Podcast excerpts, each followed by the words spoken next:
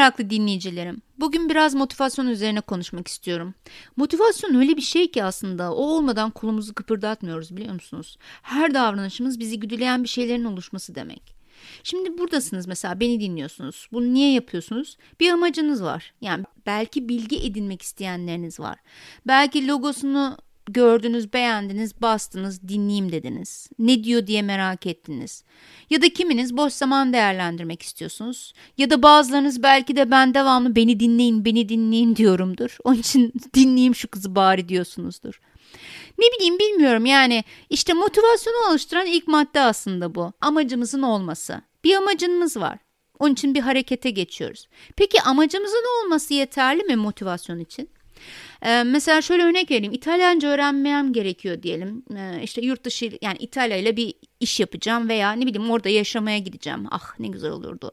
İşte bu bir amaç aslında değil mi? Peki bu amacımın olması benim İtalyanca öğrenmemi sağlar mı? Hayır. Peki ne gerekir? Öncelikle bu iş için yoğun bir istek olması gerekiyor. İtalyanca öğrenmek konusunda beynimde alarmlar çalmalı. Ki ne yapayım? Evet, harekete geçebileyim değil mi?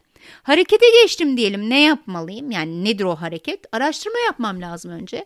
İşte nasıl öğreneceğim? Ne kadar sürede öğreneceğim? Ders mi alacağım? Kursa mı gideceğim? İşte tüm bunlar için bir eyleme geçmem gerekiyor. Peki her şeyi öğrendim işte maliyetini de öğrendim. Ne yapacağımı da karar verdim. Bu yeterli mi? Bu bilgi de yeterli değil değil mi? Ne yapmam lazım?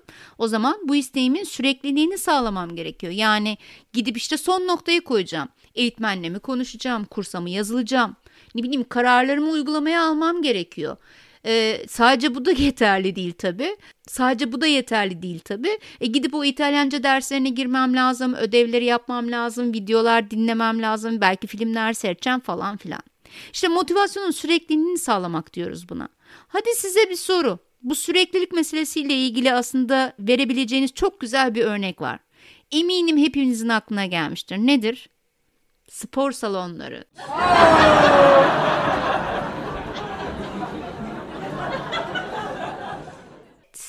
Zayıflamak, sağlıklı kalmak gibi amacımız hepimizin var değil mi? Özellikle bahar aylarında daha yoğun yaşıyoruz çünkü plajlarda mayo ile gezineceğiz. E, yoğun olarak kendime geleyim derdinden gidiyoruz. Bir spor salonuna yazılıyoruz. Amaç var, yoğunluk var ama bir türlü sürdüremiyoruz.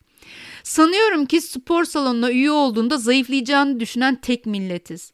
O salona birkaç kere bir hevesle gidip sonra onu sürdüremiyoruz. Bu tür örnekleri çoğaltmak mümkün. Yani şimdi burada e, motivasyonun üç unsuru var.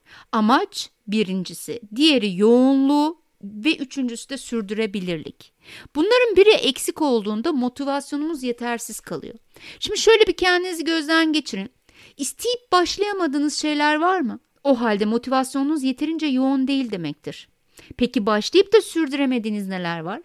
Diyet, spor, İngilizce öğrenmek, yüksek lisansı bitirmek, ilişkileriniz. Evet evet ilişkileriniz.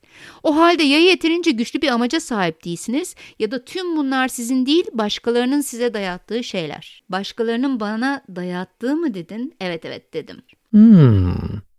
O zaman geliyoruz içsel ve dışsal motivasyon kavramlarına. Motivasyonla ilgili çok kavram var da ben size bugün özellikle içsel ve dışsal motivasyonu anlatmak istiyorum. Ee, neden biz başladığımız işi sürdüremiyoruz acaba diye sorsam size. Aslında o şeyi kendimiz değil de bizim adımıza başkaları mı istiyor diye cevaplasam. Ne dersiniz? Kanaatimce içsel motivasyonumuz olmadığında motivasyonumuzun sürekliliğini de sağlayamıyoruz. Başlangıç noktam dışarıdan onaylanmak olduğunda işte aile, arkadaşlar, çalışma yaşamındaki rakiplerim olabilir. Onaylanabilmek için onlar tarafından e, bir takım davranışlar sergiliyoruz. Bu benim için önemli. Benim dışımdaki kişiler tarafından kontrol edilen bir ödül sistemine ihtiyacım var. Böylece başarıyı kendi dışımda, çevremde kim varsa ona göre tarif ediyorum ama. İşte burası kötü. Mesela doktor olmamı isteyen bir ailem var. Ben istemesem de ailem istiyor diye doktor olabilirim değil mi? Böyle e, aramızda mühendisler, avukatlar çok var. Olayların farkına varana kadar başkalarının bize yakıştırdığı başarı kriterini elde etmek için uğruna çalışıp çabalıyoruz. Hatta bazılarımız evleniyoruz, bazılarımız erkek çocuk dünyaya getirmek için çok çaba harcıyoruz. Çünkü kendilerim farkına varmasa bile toplumun çevresindekilerin başarı anlayışı bu ise e, kabileden uzaklaşmamak için dediklerini yapmak lazım öyle değil mi? Maalesef bu bize atalarımızdan kalan bir içgüdü. Sürüden ayrılma yoksa kurt kapar. İçsel motivasyonsa biraz farklı. E, o her yerde duyduğumuz mucizevi başarılar var ya onlara biraz önce anlattığım dış odaklı motivasyonla ulaşmak pek mümkün değil. Yani mucizeler için çok risk almak gerekiyor. Ancak bu riski almayı çevre hiçbir zaman desteklemiyor. Hatta karşı çıkıyor. Herhalde aranızda Steve Jobs sabah 6'da kalkıp koştuğu ve sizden daha fazla kitap okuduğu için Steve Jobs olduğunu düşünenler yoktur değil mi? O sabah koşuya çıkması ve kitap okuması da aslında bir içsel motivasyon. Yoksa bu davranışlarını sürdürmesi mümkün değildi. Düşünsenize dışsal motivasyona sahip olsaydı Steve Jobs devamlı her sabah annesi onu yatağından kaldırmak için uğraşacaktı. Haydi Steve koşuya gitmen lazım ya da hadi Steve kitap okuman gerek gerekiyor gibi. Bu şekilde kaç kitap okurdu ki? Neyse biz gelelim konumuza. Toplum için aslına bakarsanız o statükoyu korumak önemli. Arada bir denge var. O dengede konfor alanında yaşamak, hayatta kalmak demek. Aksi halde dengeler değişiyor ve toplum da bu yeni düzene ayak uydurmak zorunda kalıyor. Ayak uyduramayacağını düşündüğü o bilmediği yeni dengelerden korkuyor insanlar doğal olarak. Değişim için enerjisi yok. Hatta enerjiyi bırakın, isteği de yok. O nedenle motivasyonunu başkaları tarafından gelecek ödüllerle arttıran kişiler çevrenin onlardan beklentisi kadar başarılı oluyor. Çünkü o kadarlık çalışıyorlar. İçsel motivasyonun yüksek olduğu durumlarda ise motivasyonun yoğunluğunu daha zor kaybedersiniz. Motivasyon içeriden geldiğinde yaptığı işin sürekliliği de artar. Anlamlı işleri iyi yaparken hissettiğimiz bir iyi olma hali olarak düşünün. Psikolojik bir ödül içsel çünkü başarmak büyük ölçüde kendi çabamıza bağlı. Amacımızın olması yetmez, onu yoğun bir şekilde içten gelen bir dürtüyle yapmak isteriz. Ve bitirmek bizi çok iyi hissettireceğinden bitirene kadar azim gösteririz. Yoğun bir çaba harcarız. Sürekliliğini sağlarız. Gelip geçici hevesler değildir. O işi sürekli yapmak isteriz. Başlangıç noktamız iç onay olduğunda en iyinin ne olduğunu kendimiz biliriz.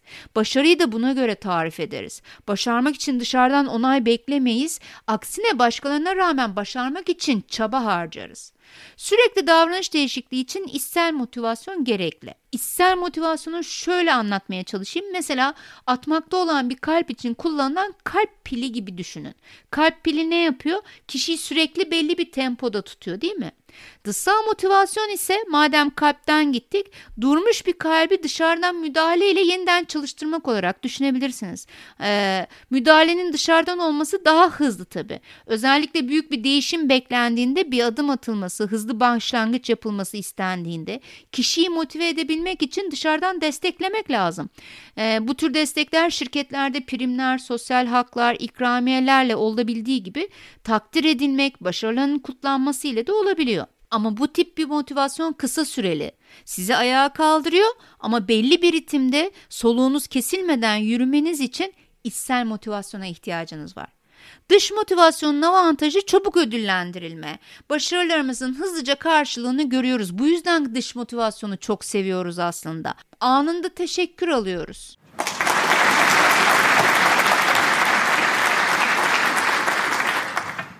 Dezavantajı yok mu? Var elbette. İki dezavantajı var. İlki dış onay azalınca motivasyon hemen düşüyor arkadaşlar. Bu nedenle de dış onaylı kişiler krizlerden çabuk etkileniyor. İş hayatında da motivasyonsuzluğun temeli bu. Çalışanların genel olarak dışsal motivasyona sahip olması.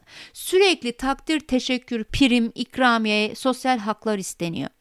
Bu tür çalışanların iş ortamında bir birimlik, bir değişiklik hop tüm motivasyonu düşürüyor. Hele ki yeni kararlar, yeni yöneticiler işte o zaman motivasyonu yerlerde. Hele hele genel müdür değişmeye görsün birkaç kişi haricinde tüm organizasyonun motivasyonu düşmüş olacak. Şirketlerde çalışanın içsel motivasyonunu arttırmaya bakmak lazım. Yani muhtemelen şimdiye kadar motivasyonu artsın diye birçoğunuz çalışanlarına etkinlikler yaptınız, sosyal haklar dağıtıyorsunuz, primler veriyorsunuz. İşte İK tarafından yapılan tüm bu uygulamaları düşünün. Tamamı kısa süreli motivasyon sağlar. İnsanları bir hareketlendirir, e, bir gaza getirir Evet yapılmaz mı yapılır ama bu tür uygulamaları senede bir kere yapıp da tüm sene motivasyon beklerseniz daha çok beklersiniz. Ama biz bir kere yapmıyoruz falan da diyenleriniz vardır. Ya o zaman size şunu soracağım. O kadar para ve enerji harcamanızın karşılığında beklediğiniz motivasyonu sağlıyor musunuz? Evet. Çalışanlarınız ile organizasyonun hedeflerini paylaşın arkadaşlar. Yani onlara kendi amaçlarıyla uyumlu amaçlar verebilirsiniz. Bunlar bu arada İK'cılara söylüyorum tabii. Sonra da inovasyon, problem çözme ve inisiyatif alabilecekleri ortam yaratma gibi olanaklar sağlayın. Böylece kendilerini yönetmeleri için daha fazla alan sağlayın. İşlerine değer katabilmeleri için onlara izin verin. Ha bu arada içsel motivasyonun dezavantajları yok mu? Var elbette. İç onaylı olduğunuzda çevreyle fazla alışverişiniz kalmıyor. Yani dışarıdan bir şeye ihtiyacınız yok. Bu da sizi yalnızlaştırabilir. Özellikle başarıya ulaşıncaya kadar bu yalnızlık devam eder. Sorununuz kendinizle çünkü kendinizi aşmaya çalışıyorsunuz. Kendinizden onay alamadığınız dönemlerde sabır en büyük erdemdir. Özetle dışsal motivasyon arayışında olduğumuzu nasıl anlarız diye sorsam. Neden bu işe kalkışıyorum diye sorduğunuzda eğer cevaplarınızda takdir, tanınma, sevilme, güvenilme gibi duygular ağırlıklıysa dışsal motivasyona ihtiyaç duyuyorsunuz demek. Yalnız burada şunu da söylemeden geçmeyeyim. Genelde belli bir yaşa kadar dışsal motivasyon bir sorun oluşturmuyor. Henüz e, daha hayata dair, kariyerinize dair ne istediğinizi bilmiyor olabilirsiniz. Dışarıdan desteğe ihtiyacınız olabilir. Ama belli bir yaştan ve profesyonellikten sonra dışsal motivasyon ciddi bir sıkıntı yaratmaya başlar. Özellikle kişilere bağımlılık haline gelirse bu insana hayatını zehir eder. 50 yaşında hala bana teşekkür etsinler ya da annem babam beni onaylasın, sevsin diyerek kararlar alınıyorsa hala yeterince olgunlaşamamışız. Benlik kavramımızda öz yeterlilikle biraz sorunumuz var demektir. Hmm. İşsel olarak motive olduğumu nasıl anlıyorum peki? İşte bir işe kalkıştığınızda bir işi yapmaya karar verdiğinizde önce kendinize bu işi yapacağınıza güveniyor muyum diye soruyor musunuz? Kendimi yeterli hissediyor muyum? Bu iş bana kendimi değerli hissettirecek mi? diyor musunuz? Odağım kendimse eğer ister motivasyon kaynaklarım ağır basıyor demektir. O zaman motivasyonunuz bol olsun diyorum. Hoşçakalın. Görüşmek üzere.